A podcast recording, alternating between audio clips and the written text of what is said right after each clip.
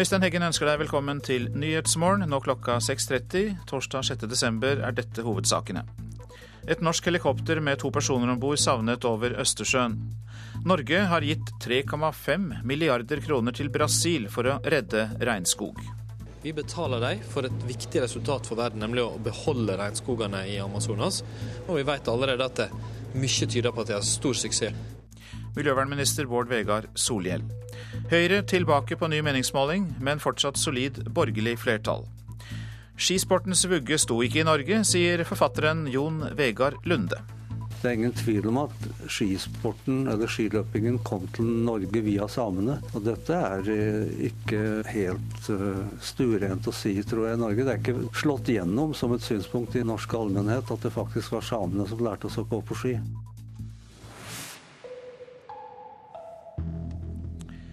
En nordmann er savnet etter at et helikopter med to personer om bord forsvant fra radaren over Østersjøen.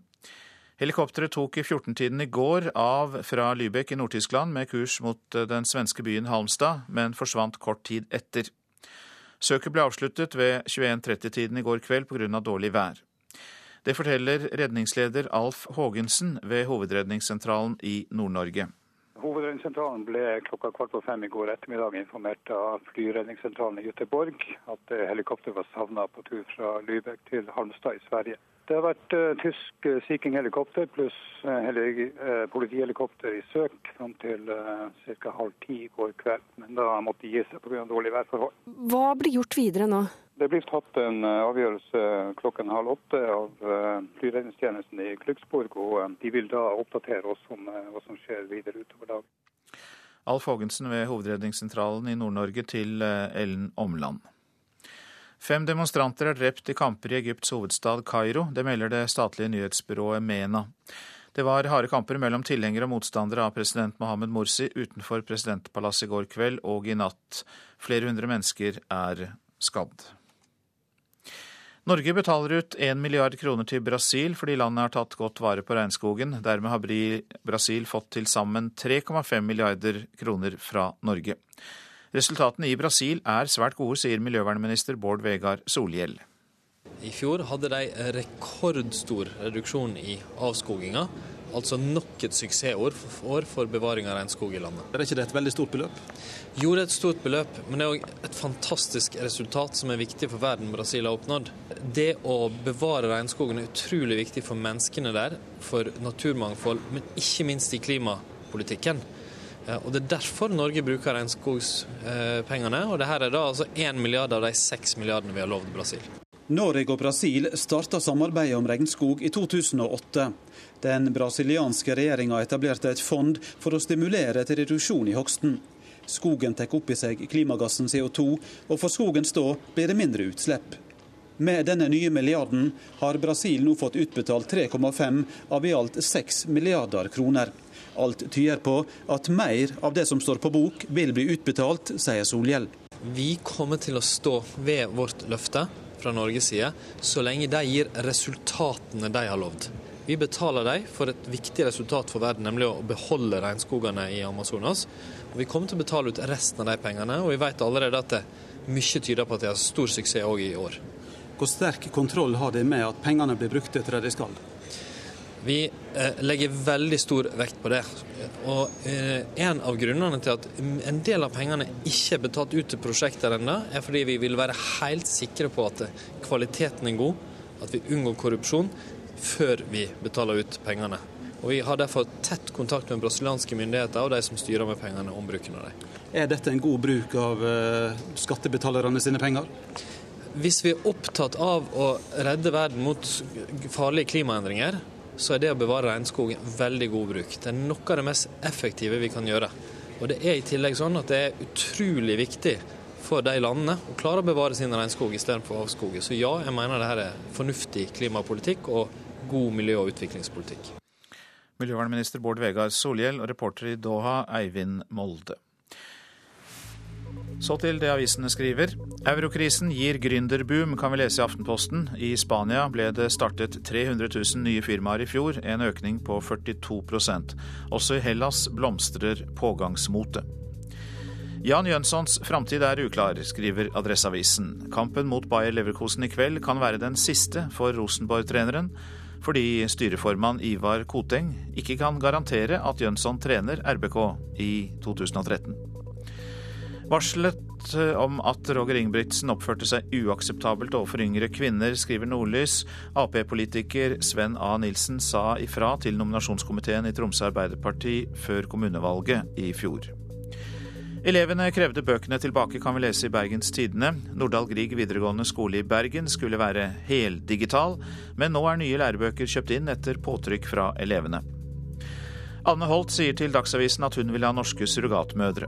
Krimforfatter og tidligere justisminister Holt mener at norske kvinner bør få lov til å bære fram barn for barnløse i Norge. Rapperne i Madcom er på forsiden av Dagens Næringsliv. De har tjent millioner, kjøpt luksusbiler og spilt vekk 100 000 kroner i Las Vegas. Nå bruker Madcon de over 9 millioner kroner skal det være, på å gi ut nytt album. Mobbeofre er prisgitt foreldrenes status, skriver Vårt Land. Barneombudet advarer mot forskjellsbehandling av mobbeofre som klager til fylkesmennene. For skriveføre og kunnskapsrike foreldre når lettere gjennom med sine klager. I 1993 lovet politikerne i Bergen enerom til alle pasienter på sykehjem, skriver Bergensavisen, men fortsatt må 196 dele rom. Et skritt på veien mot ett Agder, sier Federlandsvennens kommentator Vidar Udjus om at regjeringspartiene nekter fire kommuner i Aust-Agder å flytte over til Vest-Agder raser mot Telenors mastepraksis, som ikke gir lik tilgang til deler av mobilmarkedet, skriver Nasjonen. Tele 2 beskylder Telenor for å misbruke sin markedsposisjon. Telenor benekter påstandene. Kommunene taper 17 000 årsverk dersom formuesskatten fjernes, skriver Klassekampen. Et stort tilbakesteg ville det være, sier kommunalminister Liv Signe Navarsete. Og røm til solen og smertefri uten piller, ja det er oppslagene i henholdsvis VG og Dagbladet. Høyre går tilbake med 3,2 prosentpoeng på NRKs desembermåling til 30,7 Men det er fortsatt et solid borgerlig flertall i målingen, som er utført av Norstat AS. Nedgang til tross, Høyre-leder Erna Solberg er fornøyd. Jeg syns at målinger over 30% kommer jeg til å smile av hver eneste gang jeg ser det. Når vi er størst på en meningsmåling, og når det er historisk stort borgerlig flertall, jo vet du hva, da syns jeg det er helt fint. Det viktigste er å få grunnlag for et regjeringsskifte, mener hun. For meg er det viktigste det at flest mulig velgere beveger seg over midtstreken i norsk politikk. Og dette er en solid erklæring til at man ønsker en ny regjering. Dette er en sterk måling for borgerlig side. For mens Høyre går tilbake, går Frp like mye fram til 21,6% KrF går litt tilbake, mens Venstre går fram. Og dersom dagens måling var valgresultatet, ville de rød-grønne miste flertallet på Stortinget. De borgerlige ville fått 111 representanter, de rød-grønne 57 og partiet Rødt 1. Vi skal eh, nå den toppen som er viktigst, og det er den som gjør at vi har et eh, godt flertall som skal danne grunnlag for en ny regjering. Og det skal skje 9.9. neste høst. Valgforsker Toril Aalberg ved NTNU tror likevel Høyre-folk kommer til å følge nøye med på partimålingene fram mot valget. De ligger jo veldig høyt nå, og har, eh, har gjort det en, en periode. Så det er nok flere i Høyre som, som kanskje er redd for at, at det her kanskje ikke holder helt fram. Hvordan utviklingen faktisk blir, kommer an på sakene som preger debatten, sier hun. Det er nok antagelig litt mer sannsynlig at de går litt ned, enn at de går veldig mye mer framover og opp på målingene framover. Reporter her, det var Katrin Hellesnes. Ja, helt fint med mer enn 30% hørte vi Erna Solberg si her. Men uansett, meningsmålinger eh, blir et av temaene i Politisk kvarter eh, kvart på åtte. Per Arne Bjerke. Ja, for oppslutningen om Fremskrittspartiet varierer nå med nesten 10 prosentpoeng fra den ene målingen til den andre, og noen må ta feil. Kan vi i det hele tatt stole på målingene, og hvorfor er oppslutningen om Frp så ulik fra måling til måling, spør vi, når professor Bernt Årdal kommer til Politisk kvarter om en drøy time. I går kveld behandlet Stortinget trygdebudsjettet. 300 000 mennesker går på uføretrygd, og Fremskrittspartiet vil ha ned trygdeutgiftene. Fremskrittspartiets opplegg er helt urealistisk, mener Arbeiderpartiets Anette Trettebergstuen, og møter Robert Eriksson fra Fremskrittspartiet til debatt.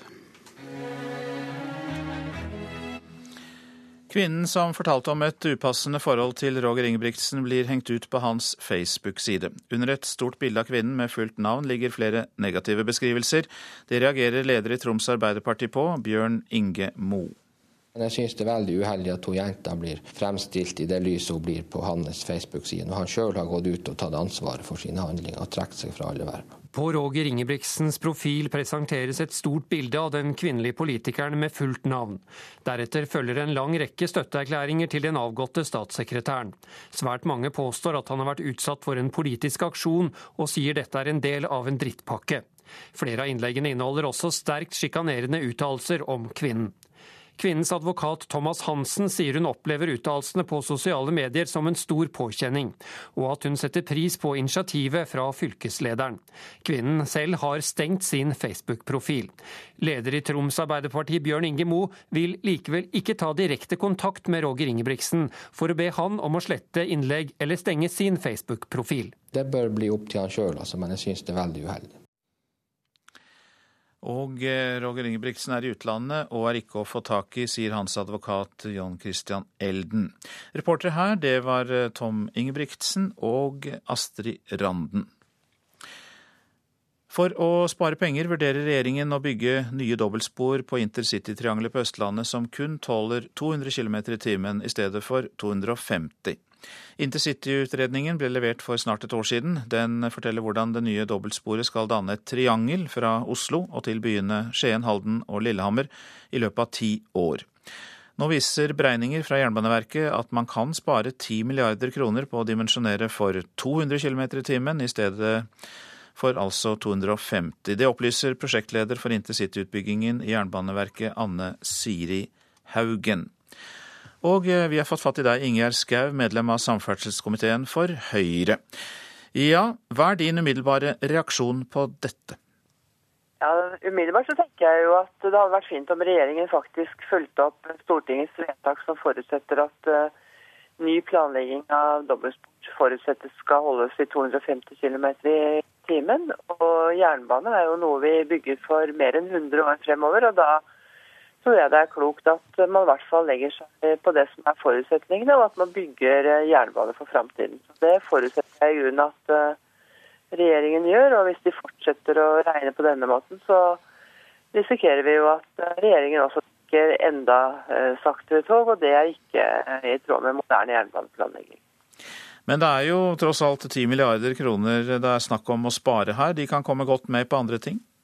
Ja, selvfølgelig. Men jeg tror nesten at uh, grunnlaget for uh, både persontransport og, og varetransport uh, tilsier at intercitytriangelet er liksom grunnlaget både for, for, næringsliv og det å, å, rigge landet for hvor folk skal bo og arbeide. og Da er det viktig at intercitytriangelet gjør, gjør det mulig for folk å komme raskt til og fra store steder, og at vi legger et grunnlag på jernbanen som både er miljøriktig, men også er i i tråd med en moderne jernbaneutbygging. Og jeg syns at uh, regjeringen er på, på ville spor hvis de, hvis de, nå begynner å, å, redusere ambisjonene på jernbane. Og Høyre er opptatt av at vi skal faktisk bygge en jernbane som, som holder mål, og at 10 milliarder uh, er selvfølgelig mye penger. men i den store sammenhengen, når du tenker et hundreårsperspektiv og mer, så tror jeg de kommer ut som vel anvendte.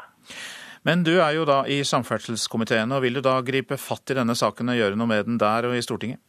Det er i hvert fall en god anledning siden vi behandler budsjettet til eh, transportkomiteen eh, i Stortinget i dag. og og spørre mine kollegaer i, eh, i, Stortinget om de vil sørge for at regjeringen faktisk følger opp det som Stortinget har vedtatt, nemlig 250 km i timen når vi bygger nytt og offensivt en moderne jernbane. og det har faktisk regjeringspartiene også vært med på i Stortinget. Det hadde jo vært fint om regjeringen også fulgte opp det som er den eh, overordnede myndigheten i landet.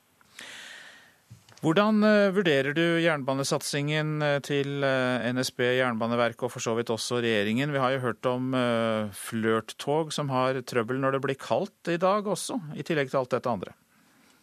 Ja, det, det, forteller i hvert fall at vi er på hæla når det gjelder både planlegging, men ikke minst det å bygge jernbane. Altså Så langt eh, etter åtte år eh, i 2013 så vil regjeringen ha, ha satt 34 km ny, nytt dobbeltspor ut i verk. Og det tror jeg ikke er i tråd med ambisjonene. Da, da vil det komme til å gå veldig mange tiår før vi klarer å få til et, et dobbeltspor i hele City-triangelet. Så det å ta i bruk finansiering, annen type planlegging og få et utbyggingsselskap som kan planlegge, bygge jernbane for mer enn et år av gangen, det tror jeg hadde vært klokt, og det er der Høyre er. Takk skal du ha, Ingjerd Schou, som da er medlem av samferdselskomiteen på Stortinget for Høyre. Dette er Nyhetsmorgen, og klokka den har nettopp passert kvart på sju. Vi har disse hovedsakene. Et norsk helikopter med to personer om bord savnet over Østersjøen. Høyre tilbake på ny meningsmåling, men fortsatt solid borgerlig flertall. Fem demonstranter er drept i kamper i Egypts hovedstad Kairo.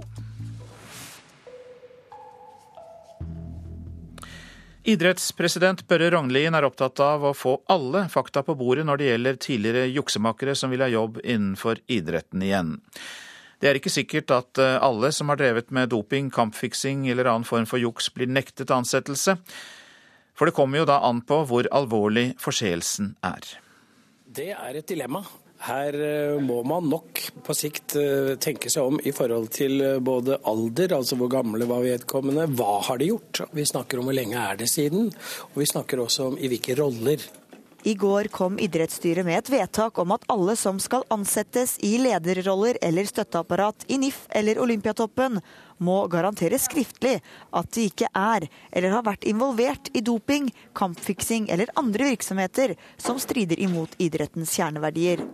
Men selv om man har gjort noe dumt tidligere i livet, får man ikke automatisk dobbeltstraff av Idrettsforbundet. De er mest opptatt av å få fakta på bordet, og så vurdere om den enkelte er skikket for jobben. Skulle det være en veldig gammel eh, dom for eh, en mindre forseelse, så vil det selvfølgelig bli eh, vurdert, som alle andre ting blir vurdert. Men da er det på bordet. Men er forseelsene alvorlig nok, blir straffen hard, ifølge Rognlien. Vi er for strenge straffer, men vi må se det, de forskjellige livstidsdommene i forhold til det de har forbrutt seg mot. Men vi straffer hardt i forhold til kampfiksing, doping. Reporter her, det var Ingrid Sørli Glomnes. Nå til utkantkommuner som gjør alt de kan for å stoppe befolkningsnedgangen. To eksempler her fra Hedmark. Rendalen vil bosette asylsøkere. Trysil vil gjøre hyttefolk til tryslinger. Vi har nedgang i folketall. Sier ordfører Norvald Illevold i Rendalen. Det er veldig, veldig alvorlig. Sier kommunestyrerepresentant Turid Bakke Viken i Trysil. Det blir nemlig stadig færre rendøler, stadig færre tryslinger. Og hver gang kommunen mister en innbygger, forsvinner 40 000-50 000 kroner i statstilskudd også. Det siste tiåret har innbyggertallet i Trysil gått ned med 300 det første halvåret i år alene med 50. Nå har Trysil kommune fått 500 000 i støtte fra Hedmark fylkeskommune til et prosjekt som skal stoppe befolkningsnedgangen, kanskje snu den. Det vi vet er at det er mange som bor innenfor kommunen, men som ikke har meldt flytting hit av ulike grunner. Det kan jo være at det er sesongarbeidere i fjellet, det kan være at de ikke er her om sommeren, men som faktisk har en fast bopel i Trysil hele året. Eh, det kan være hyttetryslinger, eh, og vi ønsker å ta kontakt med utflytta Trysil-ungdom. Målet er 50 nye innbyggere i løpet av 2013. Det vil hjelpe. Ja, det vil det. For det er jo sånn at det er innbyggertilskuddet fra staten som er den største inntektskilda til kommunen.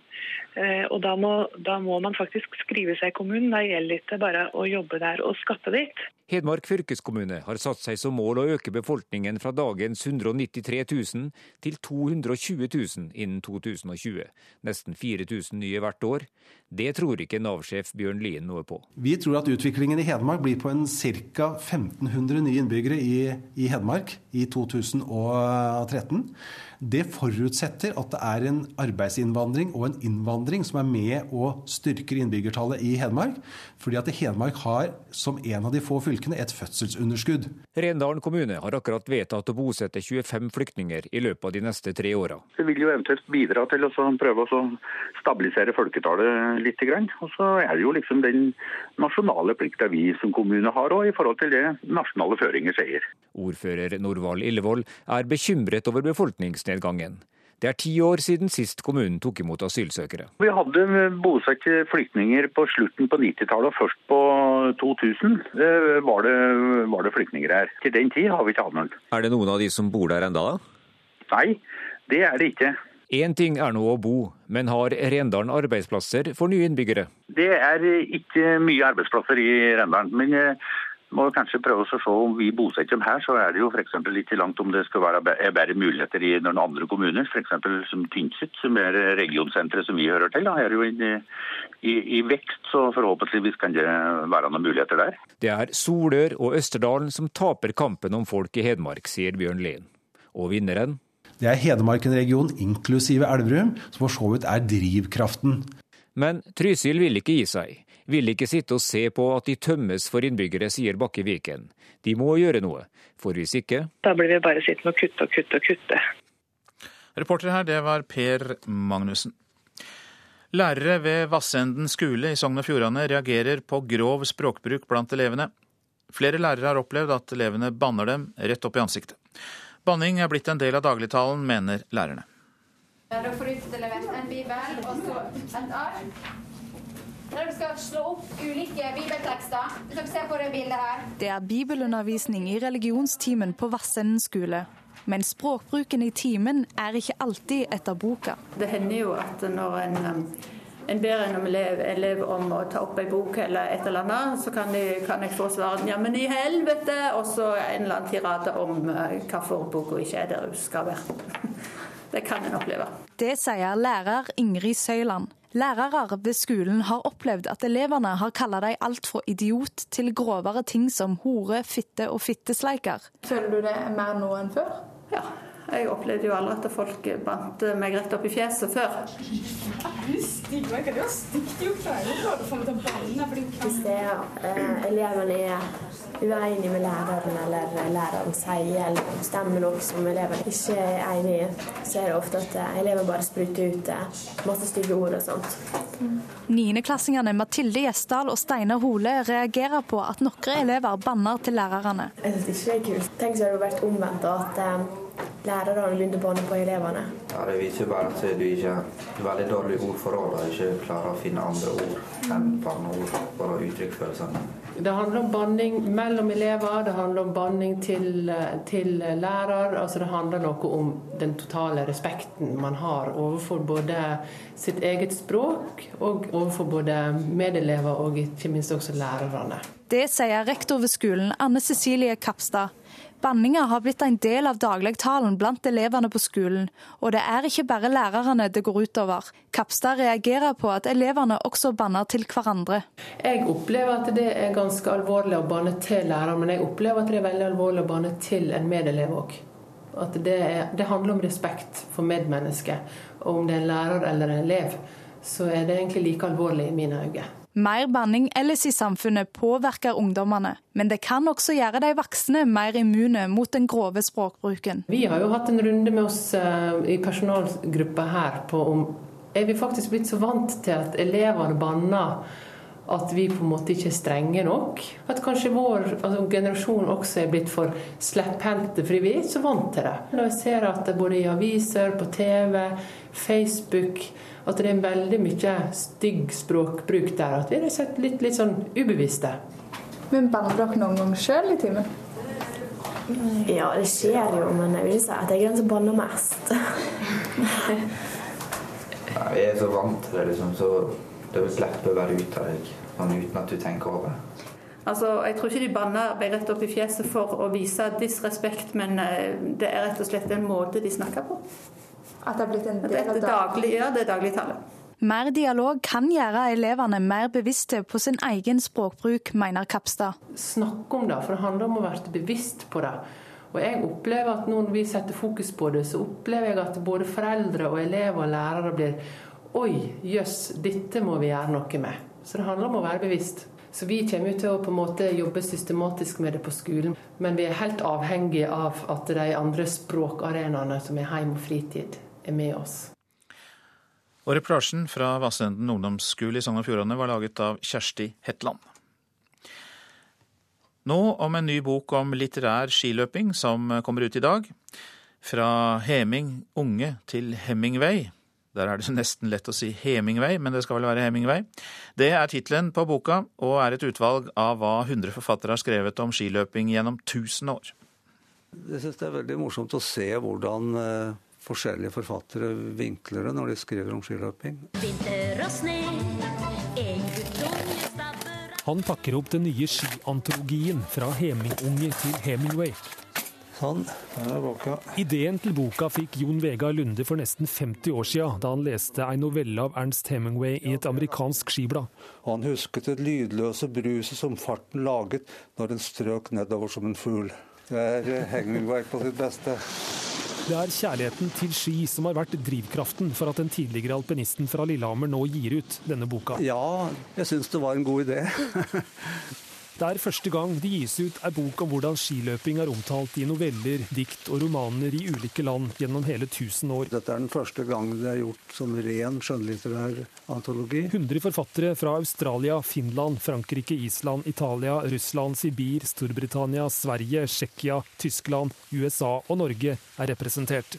Jeg er jo gammel skihopper. Jeg var født med ski på beina opptatt av å være første løypa fra jeg var bitte liten gutt. Forfatter og tidligere skihopper Jonny Hallberg er en av de rundt 40 norske forfatterne som bidrar i skiantologien. Her er jeg en veldig stor del av norsk kultur. Altså, det jeg syns er fint, er at det kommer en bok som ikke tar for seg den til dels hysteriske toppidretten, men dukker ned i opplevelsen av å gå på ski blant folk som kan uh, ordlegge seg språklig godt. Jeg syns det er veldig morsomt å se hvordan uh forskjellige forfattere vinkler det når de skriver om skiløping. Amerikanere, der skal det jo være dramatikk i alt som foregår, så de legger jo dramatikk i skiløypa. Og et typisk norsk fenomen, det er forholdet mellom far og sønn. Det åpner med Ole Robert Sunde, som nærmest ble tvunget av faren til å hoppe. Knausgård, som oppdager at faren ikke kan gå på ski i det hele tatt, så det er hans sårepunkt. Så har du Henrik Langeland, i boka 'Verdensmestrene', som beskriver et veldig nært forhold til faren. Men tror du skisporten er norsk, må du tro om igjen, sier redaktøren. Det er ingen tvil om at skisporten, eller skiløpingen, kom til Norge via samene. Og dette er eh, ikke helt eh, stuerent å si, tror jeg, i Norge. Det er, ikke, det er ikke, slått gjennom som et synspunkt i norsk, eh, norsk allmennhet at det faktisk var samene som lærte oss å gå på ski. Ja, denne reportasjen var laget av Stein S. Eide. En sju meter høy palme kledd i glitter med en oppblåsbar hummer på toppen. Sånn pynter man til jul i San Diego. En nikkende løve laget av sju kilometer lys. Sånn pynter man opp Cape Town. Og i London kler man seg ut som et juletre og brøler i teatret. I Radioselskapets julekalender hører du om sære juletradisjoner fra våre reportere rundt omkring på kloden. I dag står Sverige for tur med Dopp i grytan. Velkommen til bords klokka 11.03. Og de som eh, liker å få med seg et værvarsel, kan lytte nå. Vi begynner østafjells og fjellet i Sør-Norge.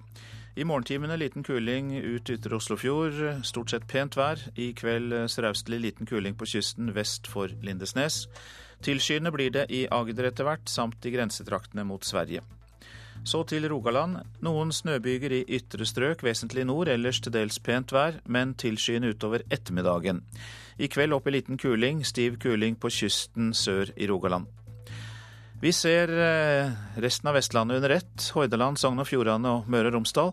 Først på dagen mulighet for noen snøbyger i ytre strøk, ellers opphold og stedvis pent vær. I kveld kan det bli liten kuling i Hordaland.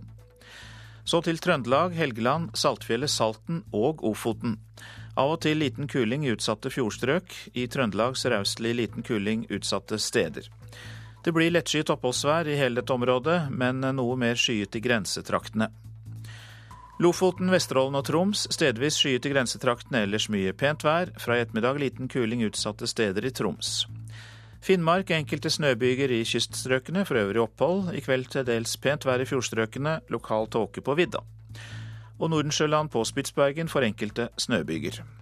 Temperaturer målt klokka fire, og det er minus i hele landet. Svalbard lufthavn 7, Kirkenes 16, Vardø 2, Alta 14, Tromsø 10, Bodø 6, Brønnøysund 7.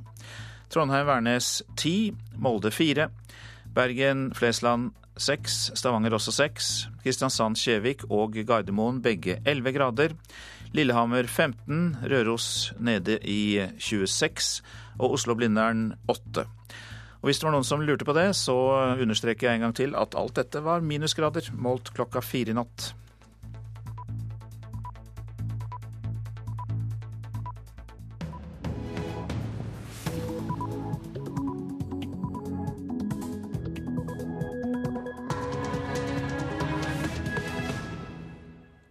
Klokka er sju, og Øystein Heggen ønsker deg velkommen til eh, Nyhetsmorgen i denne siste halvtimen fram mot eh, halv åtte. Her er en nyhetsoppdatering. Sivile i Afghanistan kan ha krav på erstatning fra Norge. Det mener Røde Kors, som ber norske myndigheter ta ansvar. Dette går både i støtte til de organisasjonene som er på bakken, eh, men det går også i forhold til kanskje økonomisk støtte direkte til de som har blitt påført lidelser der. Mats Harlem i Røde Kors. I Egypts hovedstad Kairo er fem mennesker drept i de verste opptøyene på et halvt år. Syrias president Bashar al-Assad har fått uformelle tilbud om asyl, bekrefter myndighetene i USA. I private samtaler med amerikanerne har flere arabiske ledere tilbudt Bashar al-Assad og familien hans asyl, i håp om å stanse borgerkrigen. USA-korrespondent Anders Tvegård. Et norsk helikopter med to personer om bord er savnet over Østersjøen. Barn ned til 13 år har skader i munnen fordi de har brukt snus. Snuserne blir stadig yngre. Det kan gå opp til to bokser hver dag. Jeg prøver jo å dabbe ned, men det er nesten som en vanesak å ha noe under leppa hele tida. Ja, det sa 18 år gamle Margaret Smukk, elev ved Vadsø videregående skole. Norske myndigheter har et ansvar for sivilbefolkningen i Afghanistan når de nå trekker seg ut av landet. Det mener Norges Røde Kors. De mener at sivile som har lidd tap mens internasjonale styrker har vært i landet, bør få økonomisk erstatning. Hei, Lars Kristian. Kan du høre og se oss? Begge deler. Bra. Godt å se deg. Videokonferanse med den norske kontingentsjefen i Afghanistan. Hvordan står det til? Vi har det bra her. Jeg kom opp fra Kabul i ettermiddag eh, etter å ha blitt stuck et ekstra døgn. Men eh, det er greit. Jeg har jo en bra hengekå som kjører showet, så det går veldig greit. Godt. Forsvarets operative hovedkvarter på Reitan får sin ukentlige oppdatering. Punktene som jeg kommer til å ønske å diskutere med deg, det er Status Faryab etter 1.10, som du har fått mail om. Status på TTF redeployering. Norske soldater får nå et annet oppdrag i Afghanistan. De skal ikke lenger delta i kamphandlinger, men lære opp afghansk militære til å ta vare på landet sitt og innbyggerne sine selv. Men hva slags ansvar har Forsvaret for sivilbefolkningen? Ingen, sier viseadmiral og sjef for Forsvarets operative hovedkvarter, Håkon Brun-Hansen. Vi som organisasjon som ivaretar de oppgavene som er pålagt Forsvaret ute, vi sitter ikke med den følelsen av et ansvar. Men jeg tror det er viktig at vi eh, som militærmakt som har vært til stede, forholder oss til at det er de afghanske myndighetene som sitter med ansvaret her, og ikke vi som har vært inne og støttet dem med å bygge opp deres egne kapasiteter. Norges Røde Kors mener norske myndigheter har et ansvar. Et moralsk ansvar for sivilbefolkningen, sier leder av folkerettsseksjonen, Mats Harlem. Det går i forhold til å avhjelpe både de fysiske, psykiske og økonomiske tapene som sivilbefolkningen nå har blitt påført gjennom flere år med eh, konflikt i Afghanistan. Hvordan skal norske myndigheter hjelpe der? Jeg tenker at Dette går både i støtte til de organisasjonene som er på bakken, eh, men det går også i forhold til kanskje økonomisk støtte direkte til de som har blitt påført eh, lidelser der, om det er da, som jeg sier, økonomiske, psykiske eller fysiske tap. Hvordan kan man vite at de har blitt skadd i, i krigshandlinger? Ja, altså det handler jo om den faktiske tilstedeværelsen på bakken. Her går det an å gjøre undersøkelser. Her er det jo snakk om nærmere samarbeid også med afghanske myndigheter, og se hvordan man da kan avhjelpe situasjonen. Det er ikke bare Norges Røde Kors sitt krav, det er tatt opp blant de internasjonale Røde Kors-organisasjonene. Ja, dette er spørsmål som eh, Den internasjonale Røde Kors-komiteen også har tatt opp med statene, eh, og ser behovet for den type form for eh, kompensasjon. Reporter her, det var Ellen Omland. Og god morgen til deg, forsvarsminister Anne Grete Strøm Eriksen. God morgen. Du kom fra Afghanistan i går. Ansvarets time kan vi vel kalle det. Vi trekker oss ut, men har også pådratt oss et moralsk ansvar for sivilbefolkningen, mener Røde Kors. Hva mener du? Jeg mener det at det er helt klart at vi, har, eh, vi er veldig avhengig av å ha tillit i befolkningen i, Afghanistan. Det er alle de internasjonale styrkene. Eh, så er det sånn at man må gjerne skille mellom det rettslige ansvaret vi har, den rettslige plikten vi har, og det, det, det som Røde Kors snakker om som det moralske ansvar. Og Derfor har eh, Norge og, og ISAF, altså de andre landene, jobbet med å ha et system. Norge har et system hvor, kan, hvor, hvor det kan fremmes krav Eh, disse vil bli behandlet, og en eventuell erstatning vil bli utbetalt dersom det er påført skade av styrkene. Helt konkret, dersom en eh, familiefar i Afghanistan har fått skutt av seg en fot, så kan han be Norge om penger for å hjelpe familien? Da eh, kan man fremme et eh, krav. Eh, og så vil det bli eh, behandlet, selvfølgelig undersøkt og bli behandlet, og eventuelt utbetalt. Og det har vært gjort tidligere. og det vil også fremdeles kunne gjøres, men det er klart at her også må man jo undersøke saken eh, grundig, men, men, vi har et system for dette. Og Det betyr at du erkjenner det samme som Røde Kors ber deg om å erkjenne, nemlig det moralske ansvaret? Ja, det er fordi at eh, vi er fremdeles i Afghanistan. Og vi er også som det internasjonale samfunn avhengig av å ha tillit i befolkningen. Og selv om ikke man har en eh, plikt rettslig, i rettslig forstand til å eh, utbetale, så har dette vært gjort. Og det kan jo også være at man påfører skade på mark og avling som, også medfører økonomisk tap. Men disse tapene de må også da fremmes som krav. Det kan, det kan, skje til afghanske myndigheter, eller det kan skje til ISAF, eller det kan skje til de norske styrkene i Afghanistan. Og hva vil konkret skje i Afghanistan eh, for disse menneskene? Vil de få beskjed om at de kravene kan de fremme? Vil norske myndigheter gjøre noe for å eh, orientere? I, I Faryab så eh, har de norske styrkene vært så lenge at jeg tror at folk er, er også veldig klar over eh, at de Altså forholdet til de norske, norske, de norske styrkene. Disse kravene kan også fremmes til myndighetene i Afghanistan. sånn at det er, det er ikke sånn at man må reise der hvor det er norske styrker, man kan fremme det til myndighetene. Eh, og jeg vil også anta at her har man en ganske god oversikt over situasjonen sånn som den har vært. For mitt inntrykk er at eh, norske styrker eh, føler et stort ansvar for sivilbefolkningen. Både i måten de opererer på, og i måten de behandler dem på. Avslutningsvis, så det er klart, eh, når eh, vil vi være helt ute av Afghanistan, eh, Anne Grete Strøm Eriksen? Altså Det er jo litt vanskelig å si. Det er helt klart at det oppdraget vi har i dag, det ISAF-oppdraget, det vil være avsluttet i 2014. Og det som skjer både med Norges bidrag og andre lands bidrag, det er jo at man i større og større grad overlater ansvaret for sikkerheten til afghanerne selv. Det internasjonale samfunn skal mer og mer over i en støtterolle, en veilederrolle. Men det er klart òg at eh, her vil afghanerne trenge på ulike eh, plan, men kanskje ikke med militære styrker, sånn som vi har sett eh, tidligere. Men foreløpig så er det 2014 som er den første datoen, og så får vi være i en støtterolle etter det. Takk for at du kom, forsvarsminister Anne Grete Strøm Eriksen.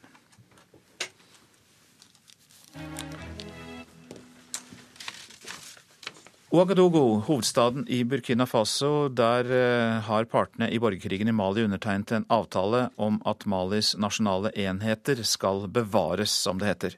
I tillegg er regjeringen i Bamako og de to opprørsbevegelsene med base i Nord-Mali blitt enige om å fordømme alle former for ekstremisme og terrorisme.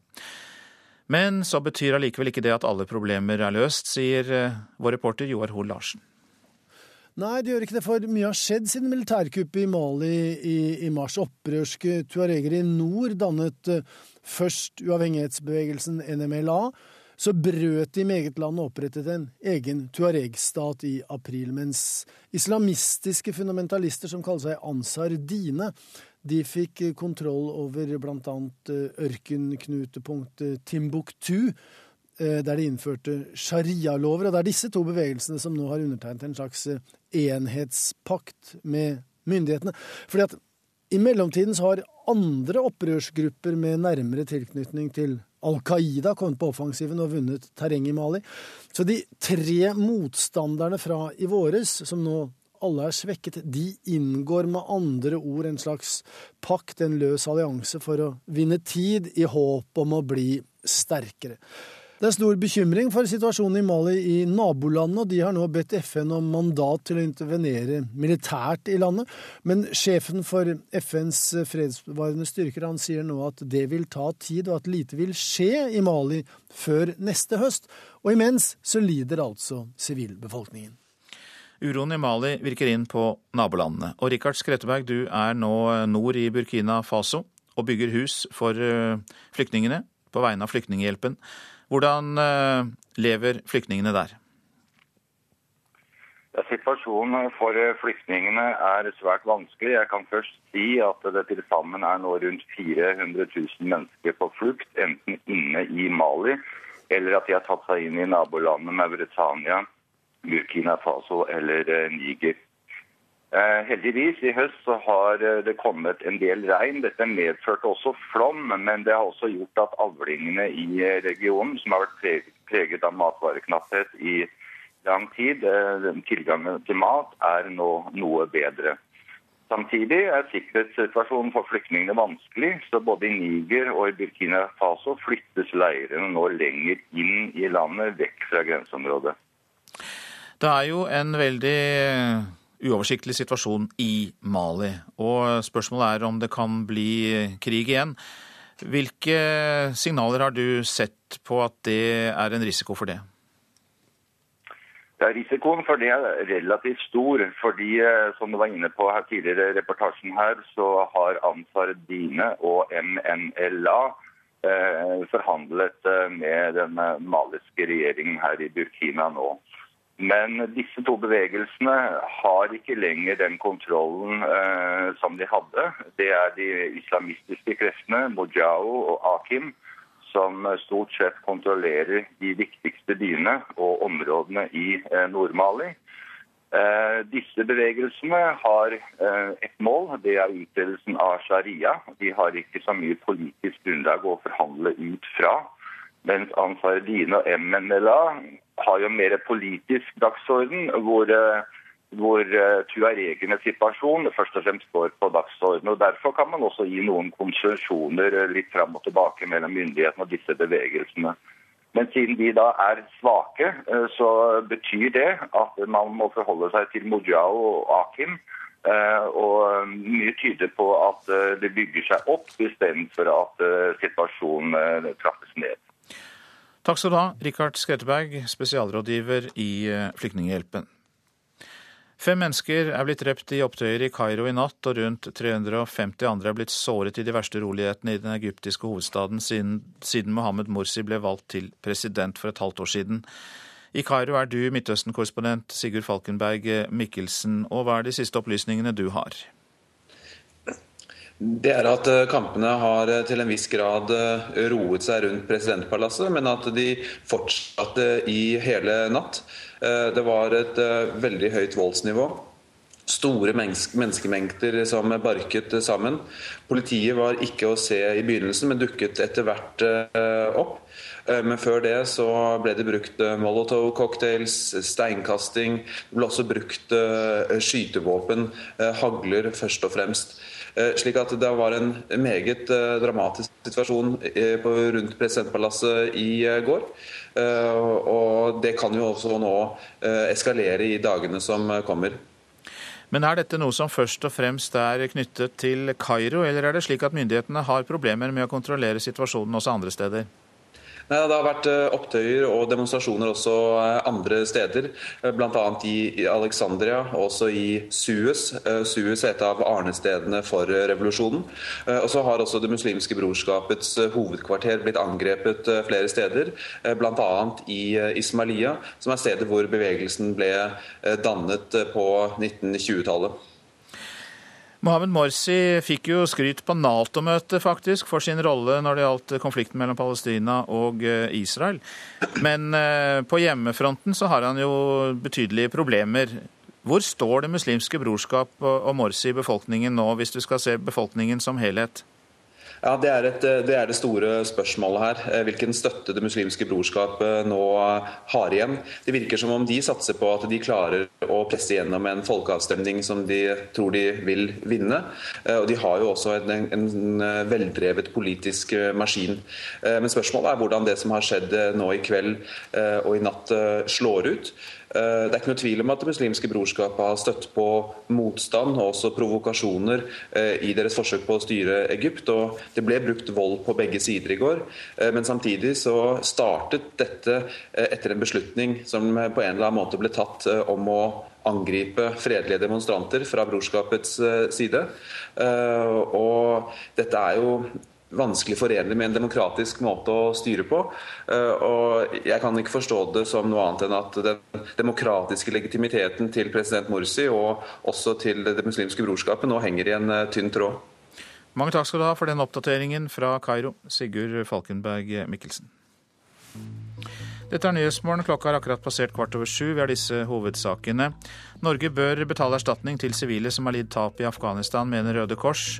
Et slikt system er allerede på plass, sier statsråd Anne Grete Strøm Eriksen, som var i Nyhetsmorgen nettopp. Et norsk helikopter med to personer om bord er savnet over Østersjøen. Og kvinnen som hadde et seksuelt forhold til Roger Ingebrigtsen, blir hengt ut på hans Facebook-side. USA sier de er klar over at det er gitt eh, uformelle tilbud om asyl til Syrias president Bashar al-Assad. En syrisk utsending har nemlig vært i flere land i Midtøsten og Sør-Amerika den siste tiden. We do understand that some countries, uh, both in the region and elsewhere, have offered to host Assad and his family should he choose to leave uh, Noen land har tilbudt seg å ta imot Syrias president og familien hans, bekrefter talsmann Mark Toner i det amerikanske utenriksdepartementet.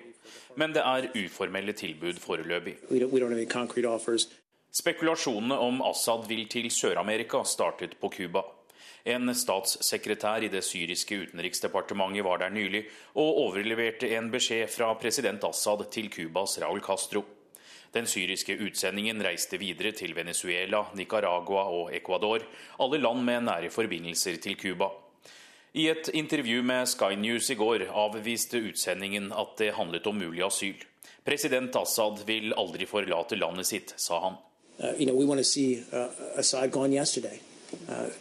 Assad har mistet legitimiteten for lenge siden og burde ha gått av, gjentar Mark Toner i den daglige pressebrifen i Utenriksdepartementet her i Washington. USAs fokus er å få slutt på blodbadet og få til en fredelig maktovertakelse. I private samtaler med amerikanerne har flere arabiske ledere tilbudt Bashar al-Assad og familien hans asyl, i håp om å stanse borgerkrigen. Tunisia tilbød offentlig allerede i mars Syrias presidentopphold dersom han skulle gå av. Uh, uh, På spørsmål til USAs talsmann om landene i Sør-Amerika som eventuelt huser Assad har et spesielt ansvar, sier Mark Toner at ingen får frikort for forbrytelsene i Syria. Uh,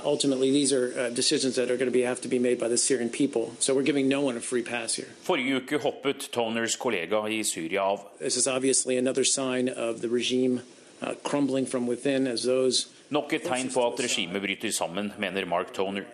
Utenriksdepartementets talsmann har dukket opp i London, bekrefter amerikanerne. Uh,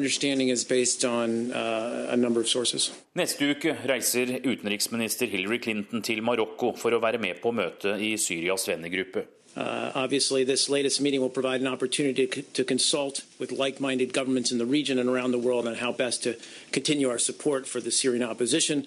Det er ventet at USA kommer til å kunngjøre at de anerkjenner det nye syriske opposisjonsrådet.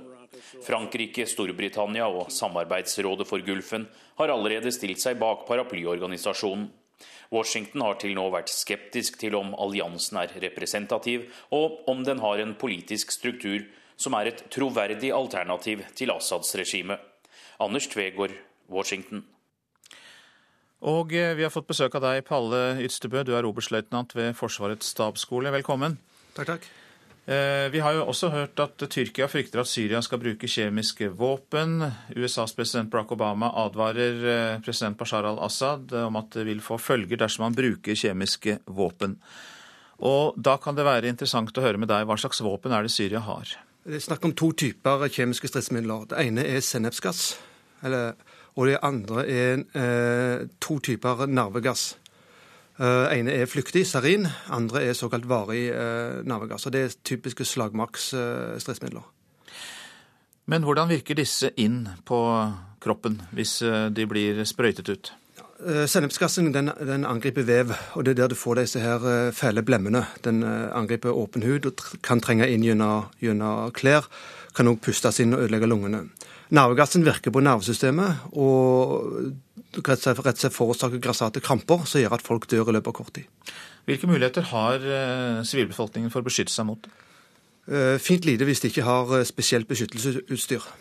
Denne stridsmiddelen spres, spres, i væskeform, altså aerosol, omtrent som fra ei sprayflaske. Det er ikke gass som, som sådan.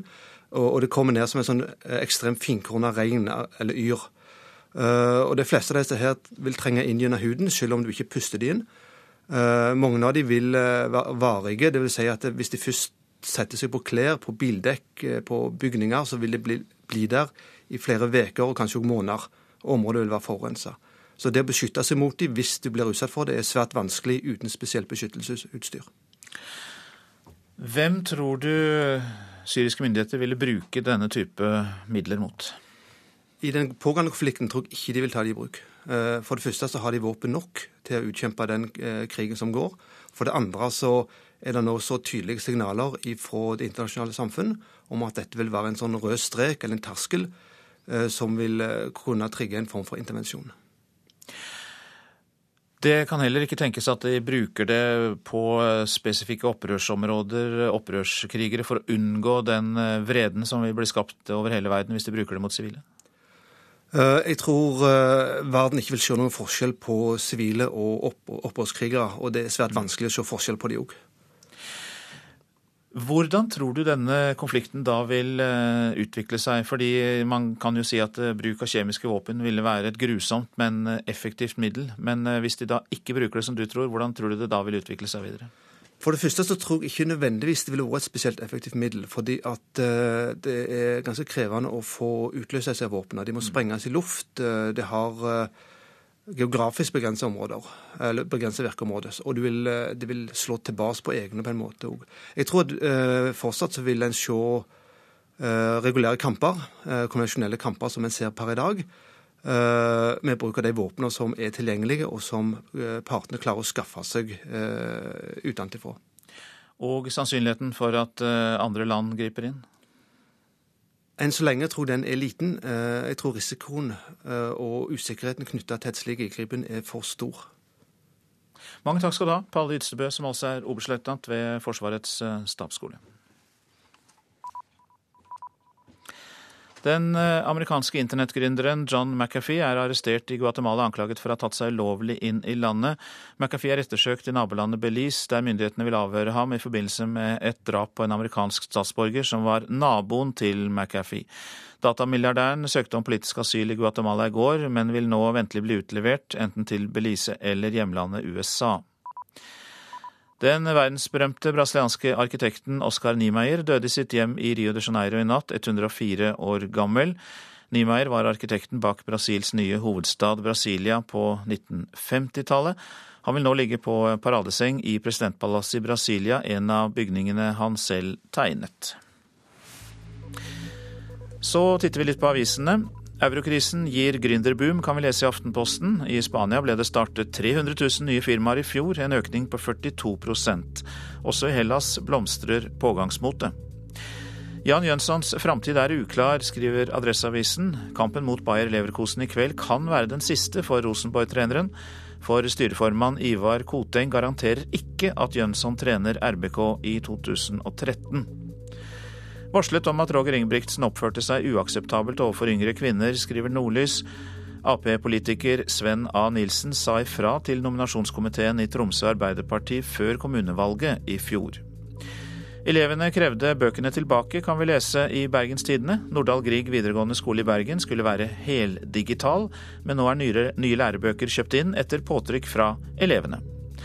Anne Holt sier til Dagsavisen at hun vil ha norske surrogatmødre. Krimforfatter og tidligere justisminister Holt mener at norske kvinner bør få lov til å bære fram barn for barnløse i Norge. Rapperne i Madcon er på forsiden av Dagens Næringsliv. De har tjent millioner, kjøpt luksusbiler, spilt vekk 100 000 kroner i Las Vegas. Nå bruker de over 9 millioner kroner på nytt album. Mobbeofre er prisgitt foreldrenes status, leser vi i Vårt Land. Barneombudet advarer mot forskjellsbehandling av mobbeofre, som klager til fylkesmennene. For skriveføre og kunnskapsrike foreldre når lettere gjennom med sine klager. Et skritt på veien mot ett Agder, sier Fedrelandsvennens kommentator Vidar Udjus om at regjeringspartiene nekter fire kommuner i Aust-Agder å flytte over til Vest-Agder. Kommunene taper 17 000 årsverk dersom formuesskatten fjernes, skriver Klassekampen. Det ville være et stort tilbakesteg, sier kommunalminister Liv Signe Navarsete. Røm til solen og smertefri uten piller, ja det er hovedoppslagene i henholdsvis VG og Dagbladet.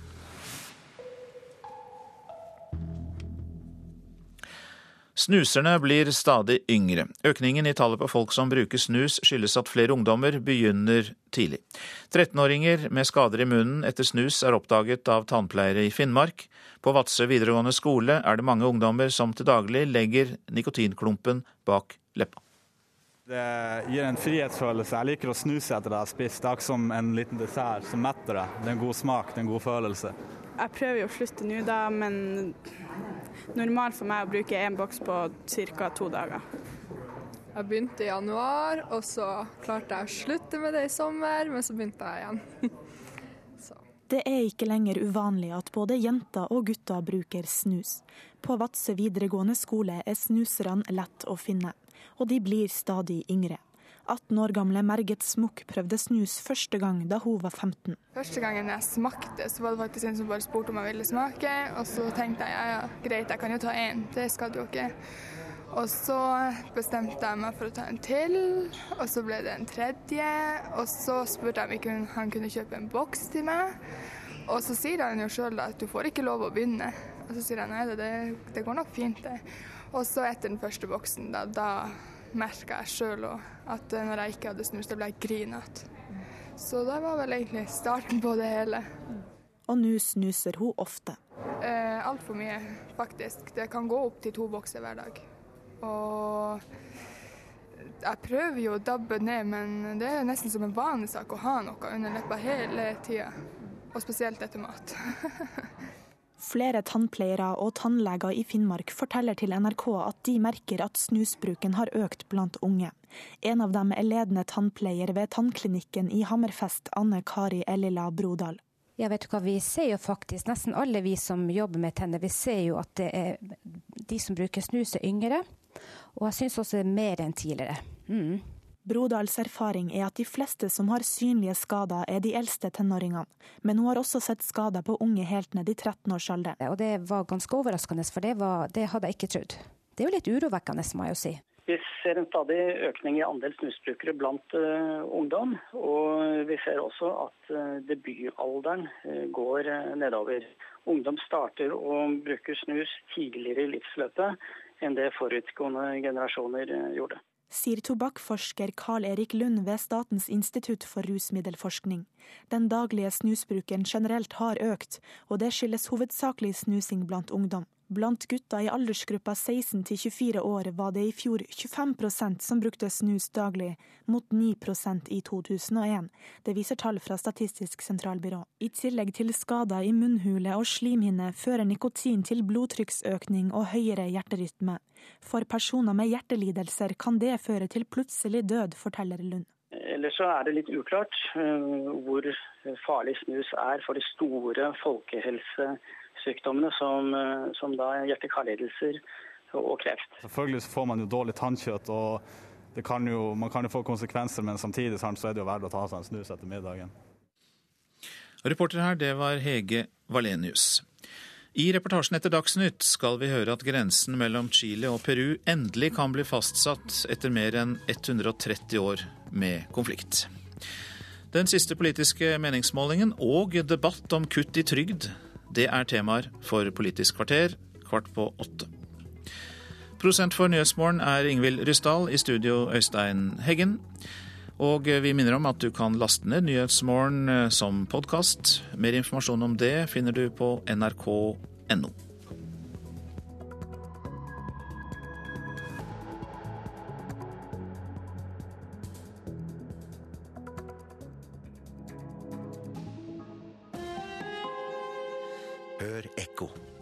vet du egentlig om Finland?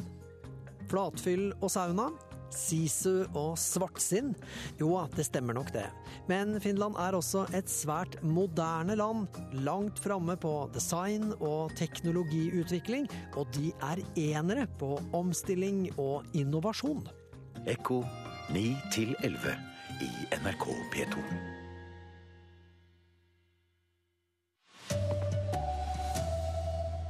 Sivile i Afghanistan bør få erstatning fra Norge, mener Røde Kors. Kvinnen som fortalte om forholdet til Roger Ingebrigtsen, blir hengt ut på Facebook-siden hans.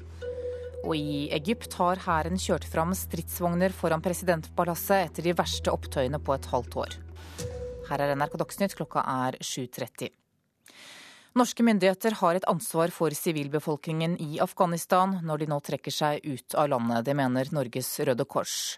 De mener sivile som er blitt påført skader eller tap mens norske styrker har vært i landet, bør få økonomisk erstatning. Hei, Lars Kristian.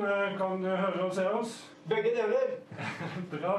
Godt å se dere. Hvordan står det til? Videokonferanse med den norske kontingentsjefen i Afghanistan.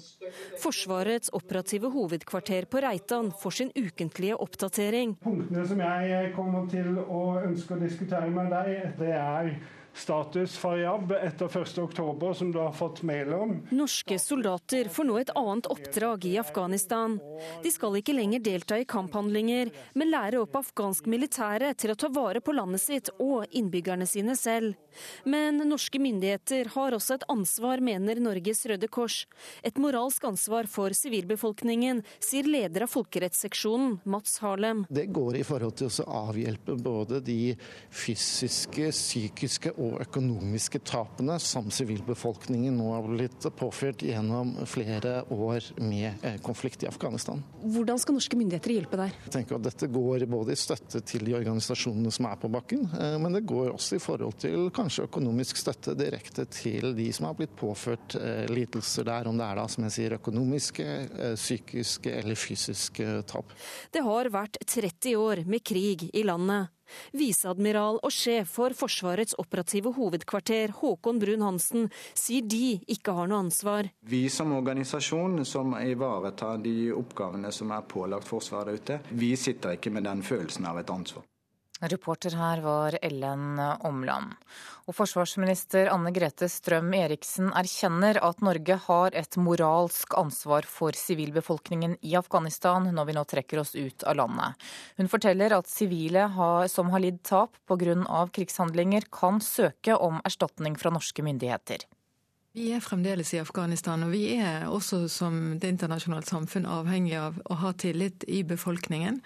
Og selv om ikke man har en eh, plikt rettslig, i rettslig forstand til å eh, utbetale, eh, så har dette vært gjort. Og det kan jo også være at man påfører skade på mark og avling som, også medfører økonomisk tap. Men disse tapene de må også da fremmes som krav. Det kan, det kan, skje til afghanske myndigheter, eller det kan skje til ISAF, eller det kan skje til de norske styrkene i Afghanistan. Politiet i Oslo har tiltalt bemanningsselskapet Adecco for til sammen 333 brudd på arbeidsmiljøloven i forbindelse med sykehjemsskandalen i 2010. Lovbruddene kunne medført alvorlige fare for liv og helse, ifølge politiet. Det er Dagbladet som skriver om denne saken. To personer er savnet etter at et norsk helikopter forsvant fra radaren da det fløy over Østersjøen. En av de savnede er en nordmann.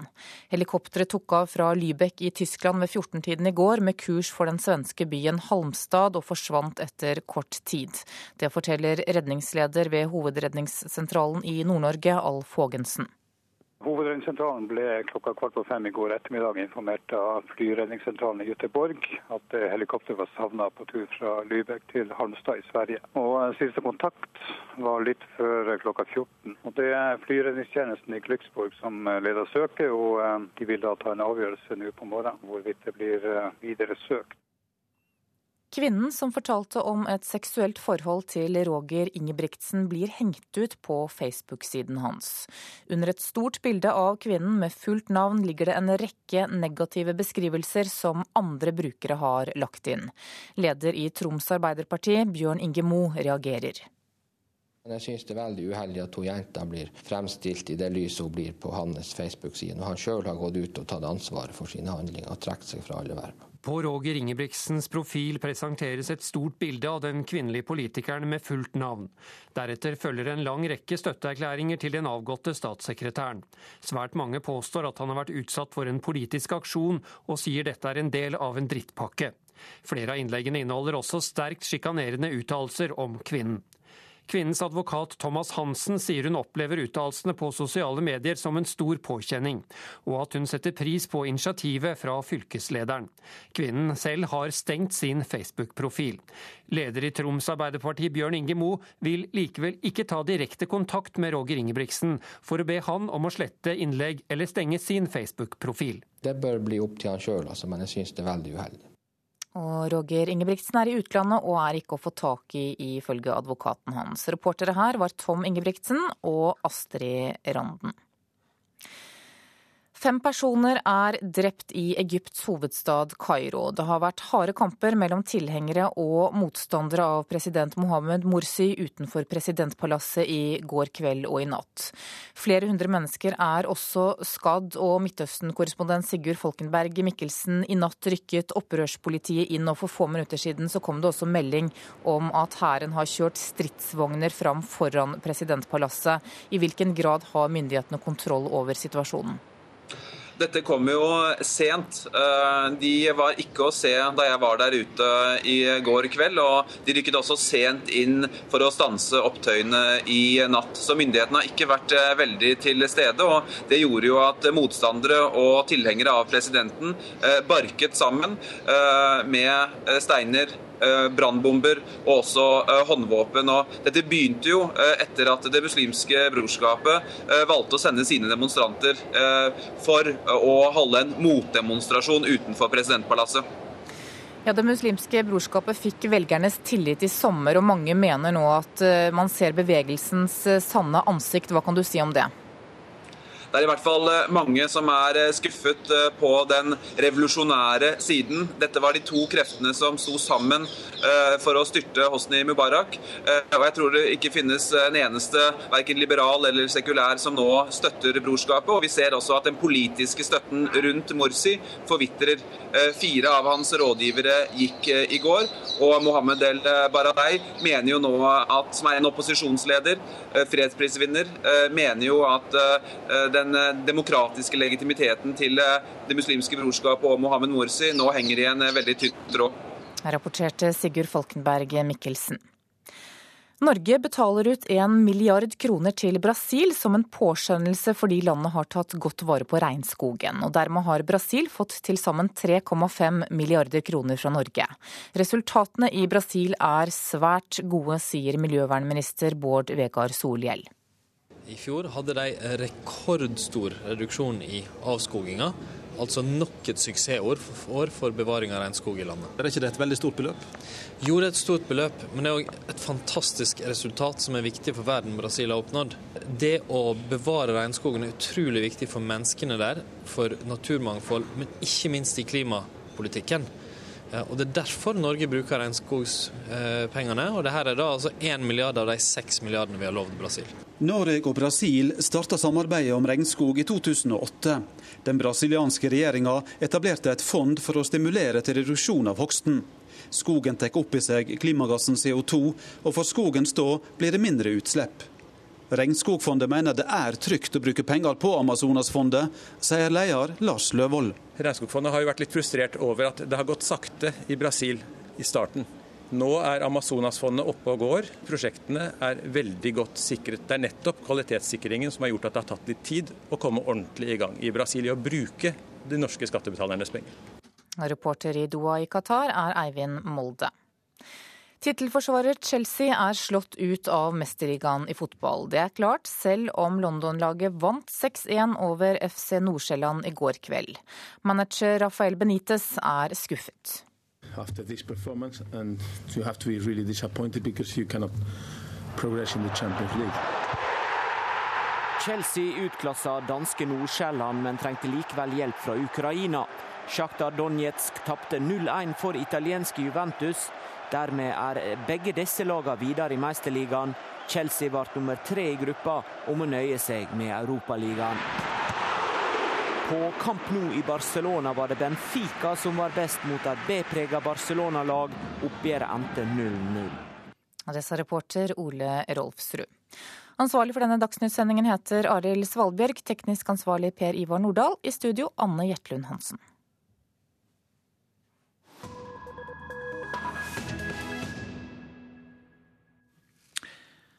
Dette er Nyhetsmorgen. Etter mer enn 130 år med konflikt skal den internasjonale domstolen i Haag endelig fastsette grensen mellom Peru og Chile.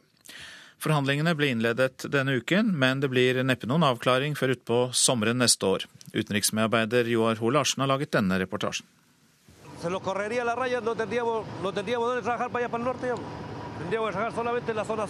For den chilenske fiskeren Riberto Torres i Chiles nordligste by Arica kan dommen få alvorlige økonomiske konsekvenser. Konflikten dreier seg om 60 000 kvadratkilometer havoverflate, hvilket i praksis vil bety Ribertos muligheter til å fiske i området. Men rent juridisk dreier det seg altså om havbunn og rettigheter. Begge stillehavslandene tilhører verdens fremste fiskerinasjoner og er blant de største fiskemelprodusentene, så det er snakk om mye penger. De chilenske fiskerne er naturlig nok bekymret for jobben. Og selv om det er de største som rent pengemessig kanskje vil lide mest, så er det vanlige småfiskere, sier Alberto Olivares Roja, som kanskje må betale den høyeste prisen om Chile skulle tape i Haag. Dependen de esta zona que nosotros hoy en día está en litigio. Nylig var Chiles utenriksminister Alfredo Moreno i Arica for å forberede lokalsamfunnet på hva de kan ha i vente. Han ville forsikre innbyggerne i de omstridte kystområdene mer enn 1500 km nord for hovedstaden Santiago om at regjeringen i Chile gjør hva den kan for å ivareta fiskernes og landsdelens interesser. El mar que vaya las costas de Arica representa el sustento de distintos actores económicos de esta ciudad. Det var i 1879 at de tre landene i regionen utkjempet Stillehavskrigen. Kaptein Arturo Pratt om bord på båten Esmeralda ledet kampene i den avgjørende fasen og falt i slaget om Ikike. Han har i all ettertid vært Chiles nasjonalhelt så avgjørelsen i Haag vil berøre noe mer enn fisk og havbunn. For Chile dreier det seg om symboltunge historiske minner og edle dåder i republikkens unge år.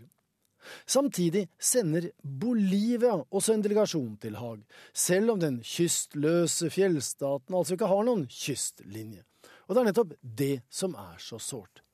Bolivia, som fremdeles har et marinedepartement, mistet havnebyen Antofagasta i den samme krigen, og har vært uten tilgang til Stillehavet siden det ydmykende nederlaget for 130 år siden. Men Bolivia har aldri gitt opp kravet om å få tilbake den gamle kyststripen. Men det var altså Peru som tok saken til Haag i 2008. President Ollanta Omala forsøker imidlertid å dempe inntrykket av åpen konflikt Peru vil respektere den internasjonale domstolens avgjørelse, sier han. Expresamos nuestro respeto a lo que es el orden jurídico internacional, y en este caso la Corte Internacional de Justicia en La Haya. Nå har han for så vidt ikke annet å gjøre. De 15 Haag-dommernes endelige avgjørelse er uansett inappellabel.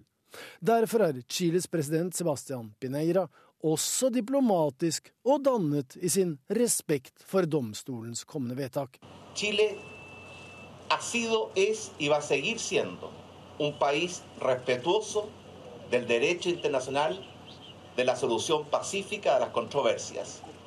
Chile står fast på at det foreligger en bindende avtale fra 1950-tallet, mens Peru hevder at den kun regulerer fiskeriene og ikke de nasjonale grensene til havs. Derfor møtes de altså i Haag. Dette er Nyhetsmorgen, dette er hovedsakene. Sivile i Afghanistan kan ha krav på erstatning fra Norge, mener Røde Kors. Kvinnen som fortalte om forholdet til Roger Ingebrigtsen, blir hengt ut på Facebook-siden hans. Og i Egypts hovedstad Kairo er fem mennesker drept i de verste opptøyene på et halvt år. Og i Politisk kvarter setter du søkelys på sprikende meningsmålinger. Per Arne Bjerke. Ja, oppslutningen om Fremskrittspartiet varierer med nesten 10 prosentpoeng. Noen må ta feil. Og Fremskrittspartiet må ha hjelp av et mirakel for å innfri trygdeløftene sine, mener Arbeiderpartiets Anette Trettebergstuen, og får svar i Politisk kvarter.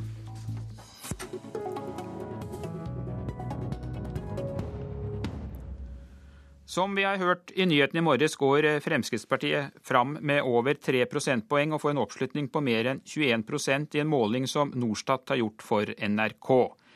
I en annen måling i VG i går går derimot partiet tilbake og fikk en oppslutning på i underkant av 13% Forskjellen mellom de to målingene er altså rundt 9 prosentpoeng, og vi har sett flere lignende eksempler tidligere i vinter. Forsker Bernt Årdal ved Institutt for samfunnsforskning, her er det jo noen som må ta feil. Hvordan forklarer du forskjellene? Altså Det instituttene selv oppgir, er jo at dette har med den politiske vektingen av, av, resultatene. Altså Noen vekter mot stortingsvalget i 2009, og andre vekter mot eh, fylkestingsvalget i 2011.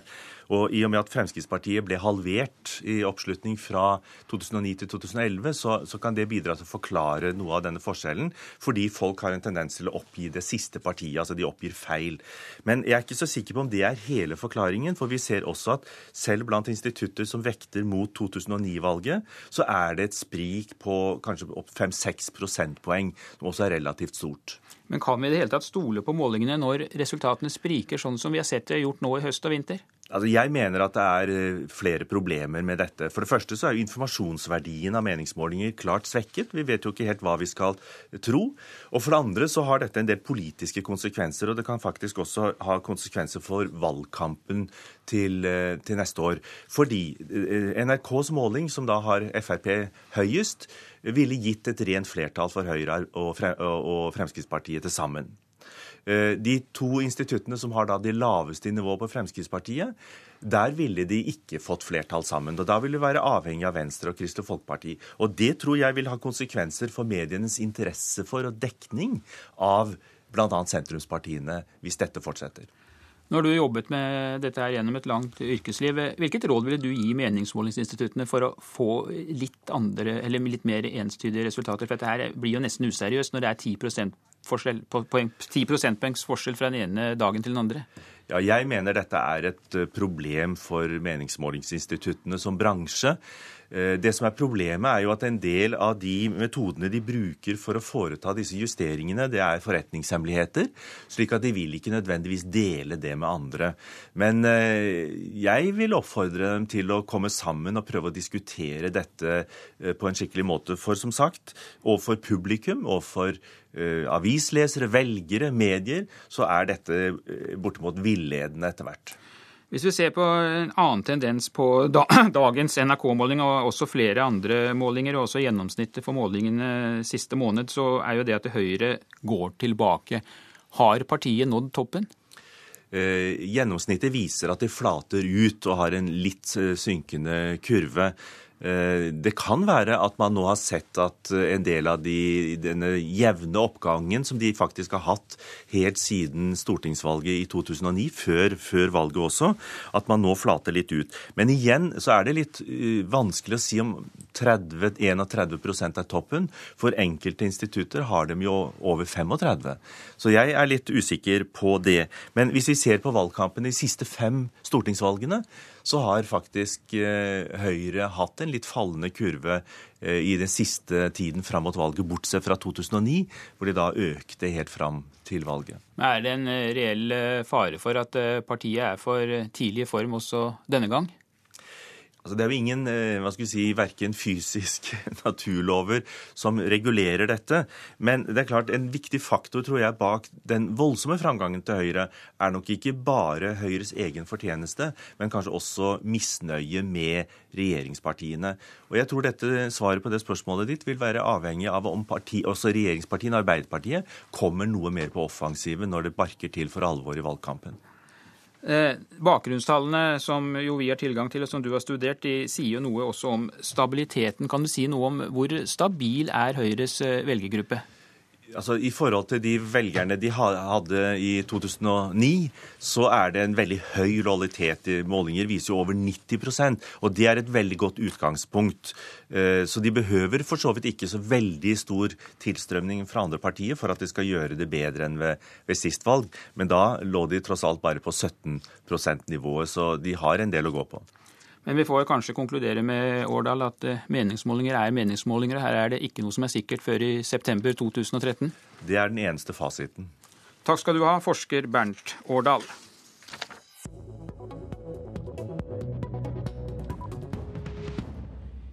I går behandlet Stortinget trygdebudsjettet for neste år. 300 000 mennesker mottar uføretrygd, og hvert år kommer 30 000 nye søknader. Fremskrittspartiet vil eh, kutte i trygdeutbetalingene og satse mer på forebyggende tiltak. Anette Trettebergstuen, du er nestleder i Stortingets arbeids- og sosialkomité for Arbeiderpartiet, og mener kuttene til eh, Fremskrittspartiet er urealistiske. Hvorfor mener du det? Ja, først vil jeg bare si at uh, noe av det viktigste regjeringa gjør, er å jobbe for at færre skal måtte oppleve å bli uføre. Det er bra for den enkelte, og det er bra for samfunnet i sin helhet. Og Vi er på god vei. Vi ser at eh, andelen uføre den går faktisk ned. Det er fordi at vår politikk har resultater. Det handler om å forebygge på lang sikt, og det handler om å følge opp bedre i Nav. Eh, når eh, Fremskrittspartiet sier at de ønsker seg at det skal bli enda færre uføre, og dermed eh, kutter 3 milliarder i budsjettet for uføre for å finansiere skattekutt, så er det med respekt å melde sludder og vås, og det er dårlig eh, budsjetteknikk. For eh, man kan ikke bare tenke på et tall og ønske seg at man skal kunne spare 3 milliarder på trygdebudsjettet. Skulle skulle man gjort det, så måtte det fra første til første, altså dersom FrPs budsjett ble vedtatt, bli 1000 færre uføre hver måned, altså av de som i dag er uføre. De måtte plutselig bli friske og jobbe. Ellers måtte det blitt 24 000 færre uføre gjennom året, altså færre søkere. Og når vi vet at man anslår at det kommer til å komme rundt 30 000 søknader, så er dette helt urealistisk. Vi tror ikke på helbredelse ved alternativt budsjett. FrPs budsjett er urealistisk. Det er et tryllebudsjett, eh, og det er et bevis på at noen må ta regninga når man skal eh, gi skattekutt i milliardklassen til, til de mest velstående. Det sitter en mann ved siden av deg her og rister iherdig på hodet. Leder i arbeids- og sosialkomiteen i Stortinget, Robert Eriksson fra Fremskrittspartiet. Sludder og vås, sier Anette Trettebergstuen. Er det det det er? Nei, absolutt ikke. Eh, la meg aller først få lov til å understreke tydelig. Fremskrittspartiet kutter verken i ytelsene til de som er syke gjennom sykelønn. Vi kutter ikke i uføretrygda til folk, og vi kutter ikke i dagpengegrunnlaget til de som er arbeidsløse.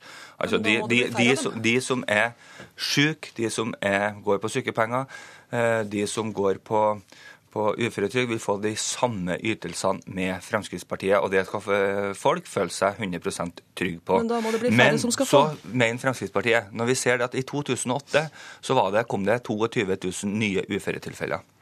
I 2012 så har det blitt 30 000. Altså Det har gått opp. Nye tilfeller har økt opp gjennom årene. Bjarne Håkon Hansen som arbeidsminister for en del år tilbake sa det at nå var det store visjon færre på trygd, flere i arbeid. Så tar Fremskrittspartiet i sitt budsjett og øker antall tiltaksplasser med 7300. Vi styrker tettere oppfølging med over 300 millioner gjennom arbeidsavklaringspengene. Og det er jo nettopp fordi at de menneskene som vil og kan, og som står i fare for å bli uføretrygda, men som vil og kan delta i arbeidslivet, dem skal vi hjelpe mye tettere for å kunne komme tilbake til arbeidslivet. Og når det gjelder sludder og vås i forhold til budsjetteknikk, hva skjedde i revidert nasjonalbudsjett? da? Jo, regjeringa kutta i, i sykelønn med 2,3 milliarder, kutta i dagpenger med 5 500 millioner, kutta i uføretrygd med 500 millioner. Hvorfor? Jo, fordi at det ble færre. Uh, Anette Trettebergstuen, altså staten bruker jo da enorme beløp på uføretrygd. og Det er altså 30 000 nye som søkte om slik trygd i fjor. Hvorfor er det så galt å prøve noe nytt, slik Fremskrittspartiet vil, for å få ned utbetalingene? Det er ikke noe gærent å prøve noe nytt, men man må gjøre noe nytt som virker. og Det er jo det regjeringa har gjort nå i sju år. og Det gir resultater. Vi ser at andelen uføre går ned. og Det er jeg veldig glad for. Sykefraværet er det laveste. Sykefraværet er det laveste på, på sju år. Det er et varsel om at det kommer til å bli færre uføre i fremtida. Men poenget er jo at Vårt budsjett, eh, som ligger til grunn eh, når de alternative budsjettene fra opposisjonen også lages, der sier ekspertene på bakgrunn av framskriving og analyse av regnskapstall og demografisk utvikling at man kan regne med en rundt 30 000 nye uføre, muligens, til neste år. Da må man budsjettere for det. Så sier Frp at det syns vi er gærent. Vi vil, vil at det skal være mindre. Og derfor vil vi kutte 3 milliarder. Og når Robert Eriksson her sier at man skal få ned da andelen nye uføre ved å legge på noen ekstra tiltaksplasser eller legge på noen millioner for å få ned sykehuskøene, så er det den type urealistiske eh, virkninger som ikke, altså Det vil ikke få noen virkning. Altså hvis du, hvis du legger inn penger på å få ned sykehuskøene, så vil jo ikke det få, bli merkbart på uførebudsjettet til neste år. Robert Eriksson, hva vil dere gjøre hvis behovet for uføretrygd viser seg å være like stort som det er i dag, og så har dere allerede tatt vekk bevilgningene? Det, det er overslagsbevilgningene i statsbudsjettet. Det er akkurat det som skjer hvert eneste år i forhold til at man behandler revidert nasjonalbudsjett. Hvis utviklinga blir flere uføretrygda enn det man forutså, ja, så justerer man budsjettet opp etter det. Blir det færre enn det man forutså, så justerer man ned budsjettet. Det har vi tradisjon for å ha gjort i budsjettene i alle de år. Derfor legger man også fram salderinga. Og når Anette Trettebergstuen og Arbeiderpartiet viser til de såkalte ekspertene i Finansdepartementet, så må jeg få lov til å si det at jo, men våre eksperter, da, vi bruker akkurat de samme ekspertene. Jeg regner med at, at eh, når vi sender våre forslag til, og budsjettforslag til SSB for å få gjennomgått det, så slår SSB fast at Fremskrittspartiets budsjett vil bety økt uh, sysselsetting, færre ledige. Da må det bety at vi bruker mindre penger på, på, dagpenger. Nei, det er ikke, det er ikke feil. Vi har, ja, men vi har fått, altså Konklusjonene fra SSB er tydelige. SSB har gått gjennom våre, våre budsjettforslag og viser det klart og tydelig. Ekspertene, som Anette Trettebergstuen viser til, for inneværende års budsjett, da, så tok ekspertene grundig feil dem, med at, eh, med at eh, de må justere ned sykelønn med 2,3 milliarder under revidert. Det vil jo si det samme som at det var Frp sitt budsjettforslag som lå nærmest virkeligheten og det faktiske forhold. SSB har på ingen måte godkjent premissene for hvordan Frp lager sitt budsjett. SSB har ikke godkjent at det blir færre uføre av å plusse på noen tiltaksplasser og noen millioner i forhold til sykehusbehandling. Dette er useriøst. Dette er virkninger man ikke vet effekten av, virkninger som ikke vil eh, bli merkbare i neste års budsjett. Derfor så vil det heller ikke være realistisk. Men dette, bare, dette viser jo at man må foreta den type urealistiske tryllegrep for å kunne finansiere skattelette, og samtidig late som at man kan opprettholde eh, velferdsgodene som de er i dag. Det kan de ikke. Når vi reviderer budsjettet hvert år, så er det jo basert på virkeligheten. Og vi lager nye budsjetter basert på virkeligheten. Frp ønsker seg her et lavere antall uføre enn det eh, vi må regne med at kommer. Det er ingenting som vil glede meg mer enn om vi tar feil, og at andelen uføre fortsetter å, å synke. Men man må budsjettere for at de som står på arbeidsavklaringspenger og som har rett til trygd, vil kunne få det. Fremskrittspartiets budsjett vil, vil måtte sprekke. Eh, kuttene må tas enten her, på 1000 færre uføre hver måned, eller 24 000 gjennom et år, eller så må kuttet tas et annet sted. Og det må Frp være ærlig å si. Skattekutt koster. Her er det de uføre og syke som tar regninga. Nå skal Robert Eriksson få svare. Ja, For det første så syns jeg det er oppsiktsvekkende at Arbeiderpartiet mener at å kjøre på flere tiltaksplasser, hjelpe flere folk for å komme tilbake til arbeidslivet, ikke fungerer. Eh, og det er vel kanskje derfor også at, Arbeiderpartiet, kanskje det er derfor at Arbeiderpartiet også har redusert antall tiltaksplasser. Attføringsbransjen er krystallklar på det her. Får vi flere tiltaksplasser, det er behov for flere, folk står i kø og venter på å få hjelp til å komme tilbake til arbeidslivet. Fremskrittspartiet avbyråkratiserer virkemidlene, får tettere oppfølging, der at man slipper å vente på nye tiltak, flere plasser som gjør at folk kan komme fortere tilbake til arbeidslivet og, og forhindre at man kommer i uføretrygd. Vi har fremma forslag på en mer smidig, fleksibel uføretrygdordning som gjør at man faktisk kan kombinere uføretrygd og, og, jobb på en mye smidigere måte enn det som Arbeiderpartiet og forliket i Stortinget bygger på.